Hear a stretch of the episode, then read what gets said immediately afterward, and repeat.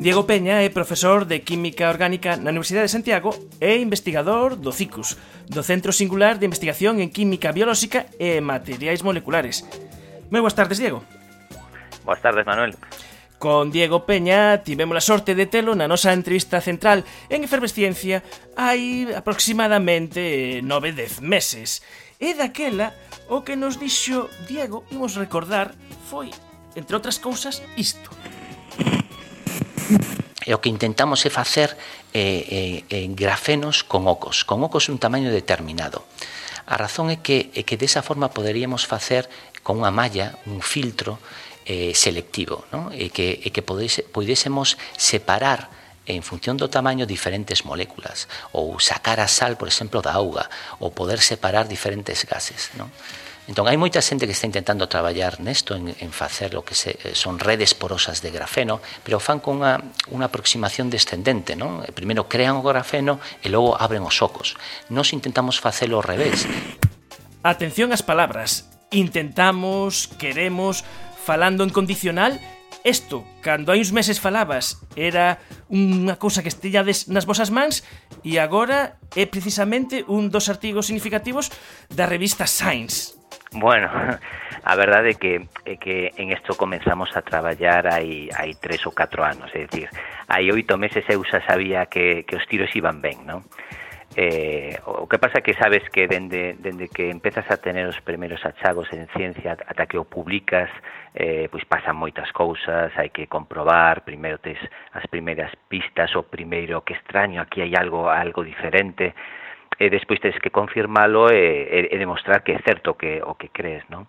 Pero bueno, efectivamente agora agora saiu publicado, agora xa o temos, xa o temos confirmado e, e bueno, e moi contentos co co resultado moi contentos con este resultado. Ademais, eh, se constata o que dixo eh, un neurocientífico, se chama Stuart Firestein, que cando alguén converse cun científico, é mm, ás veces máis interesante non preguntarlle o que sabe, senón o que non sabe, o que está intentando facer para ter unha conversación interesante para os dous. E foi no que nos pasou nesta conversación hai uns meses desta cousa que se estaba que se estaba argallando. E de feito, pois esta semana vimos como publicastes ensais este paper de como facer grafeno nanoporoso nunha colaboración entre o CICUS, o Instituto Catalán de Nanociencia e Nanotecnoloxía e tamén o Donostia International Physics Center. Eh, tres institucións, pero para mm, poñer en contexto todo isto, podemos empezar, se queres, Diego, recordando que era o grafeno. Bueno, o, o grafeno é unha, é unha monocapa de átomos de carbono. Vale, eh, realmente supuso unha revolución porque se pensaba que ningún material o poderías levar a, a unha monocapa, vale, a unha capa dun único átomo de espesor.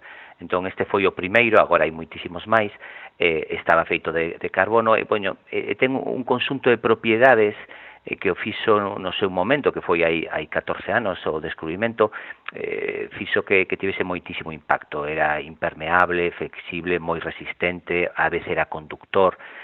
O tema é que hai algunha desas propiedades concretamente o tema de que era moi bo conductor e que, que era impermeable, que, que facía que non, eh, que non tivese aplicacións en algúns campos. Non?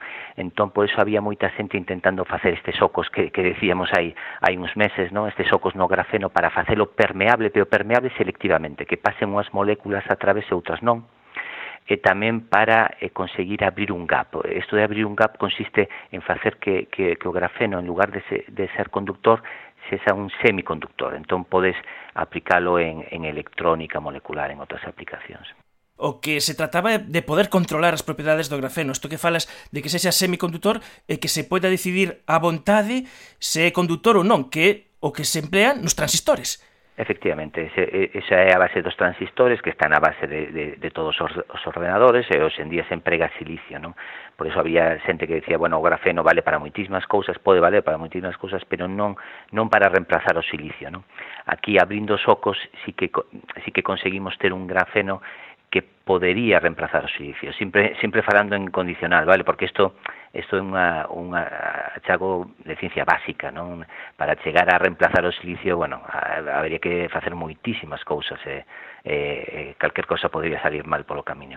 Teñen que pasar moitas cousas polo camiño, pero hai que para escalar unha montaña primeiro hai que dar o primeiro ah, paso. Claro. Nesas estamos. en ese primeiro paso o, o que había era estudios teóricos eh, que decían como tiña que ser eh, ese grafeno eh, para ter esas, esas propiedades.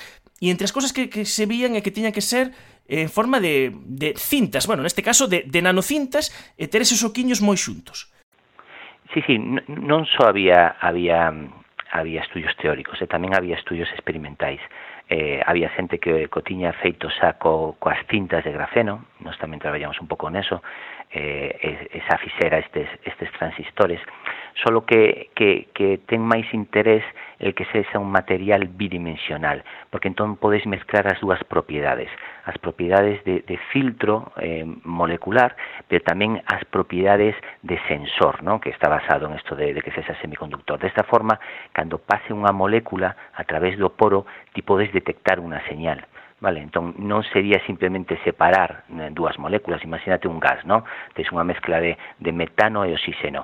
Non só podería separar por tamaño un gas do outro, pero además poderías ter unha señal cando pasase, por exemplo, o oxígeno, non? E ti eso, eh, pues, eh, esa señal amplifica, se pode saber o que está pasando, non?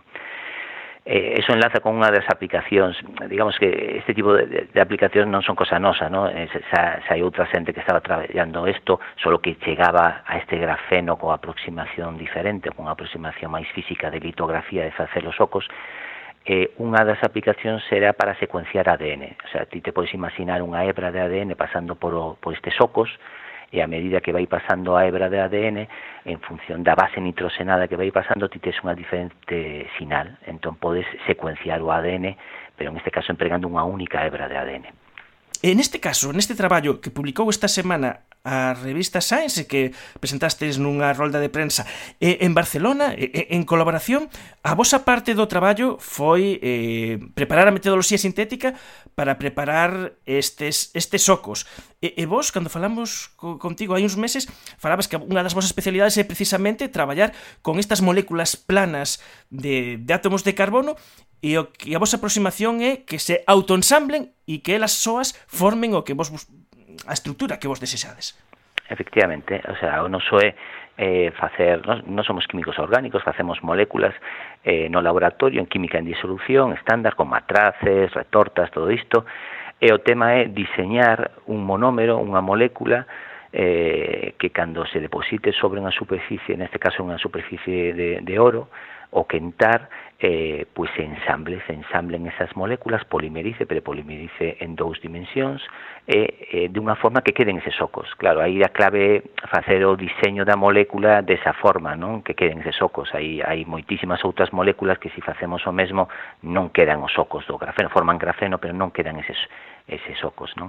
Entón esa é a nosa parte, facer en síntesis no laboratorio, facer eses precursores cunha pureza moi alta, Despois enviamos esas moléculas a, a Barcelona. En Barcelona colaboramos con estes eh, físicos de, de superficie, eh, o grupo de Aitor Mugarza, eles depositan sobre, sobre oro as moléculas eh, e cun tratamento térmico eh, secuencial eh, vamos primeiro facendo unha polimerización despois facemos as cintas de grafeno eh, por último esas cintas de grafeno se fusionan de forma lateral pero xa digo, deixando uns socos no, no medio non?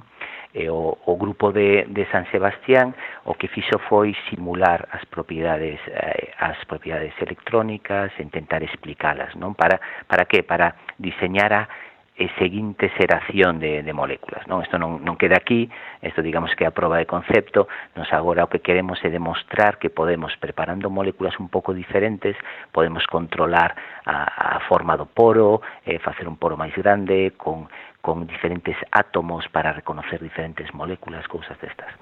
Eh, que quizáis eh, a parte eh, novedosa da vosa aproximación para preparar este grafeno nanoporoso precisamente as pezas estas de, de partida que se autoensamblan, porque primeiro tivestes que ver que se ensamblaban e eh, facíades, entendo, unha boa nanocapa e logo pequenas modificacións nesas pezas para que non sexan exactamente perfectas para que desen eses ocos.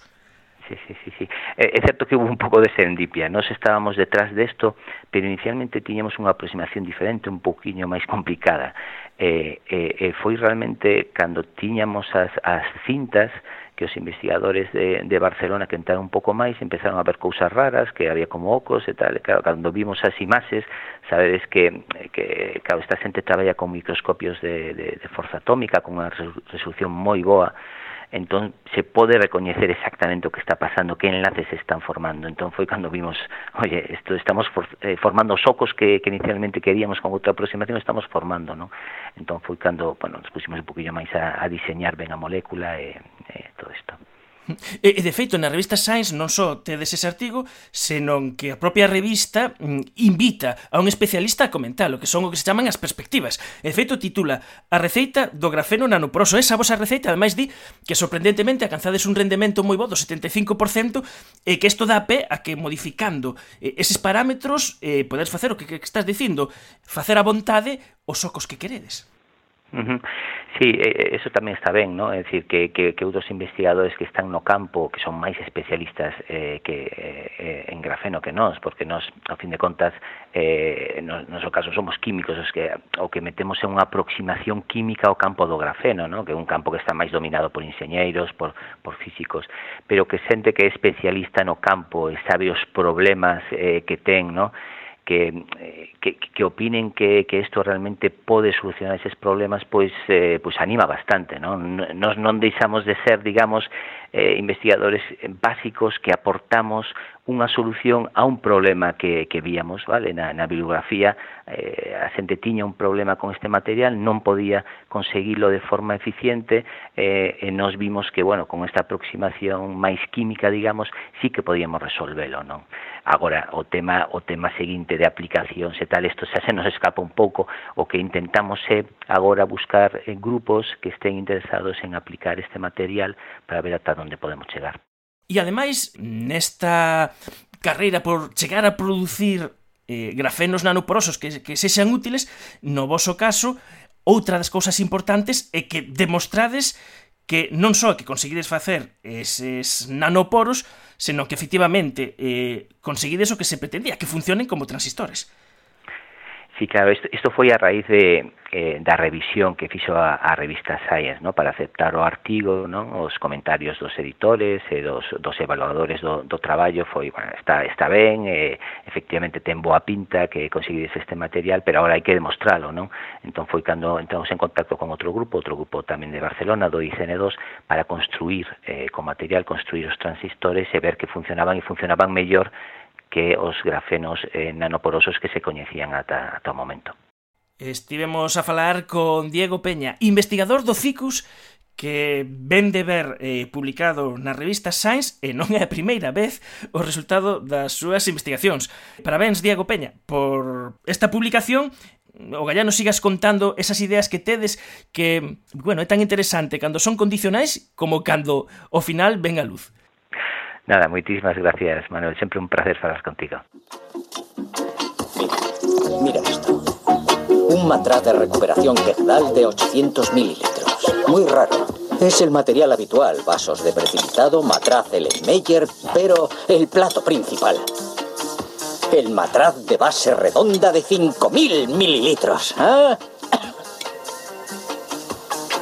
Yo cocino en uno de esos. Uno grande. ¿Uno de estos? No, es un matraz volumétrico. No puedes cocinar en esto. Eh, sí, lo hago. Ah, no, no lo harás. Un matraz volumétrico es para mezclas generales y colado. No se le puede poner calor a un matraz volumétrico. Para eso está el matraz de ebullición. ¿No aprendiste nada en mi clase de química? No. Me cateó. ¿Recuerda? No me extraña. Pringao.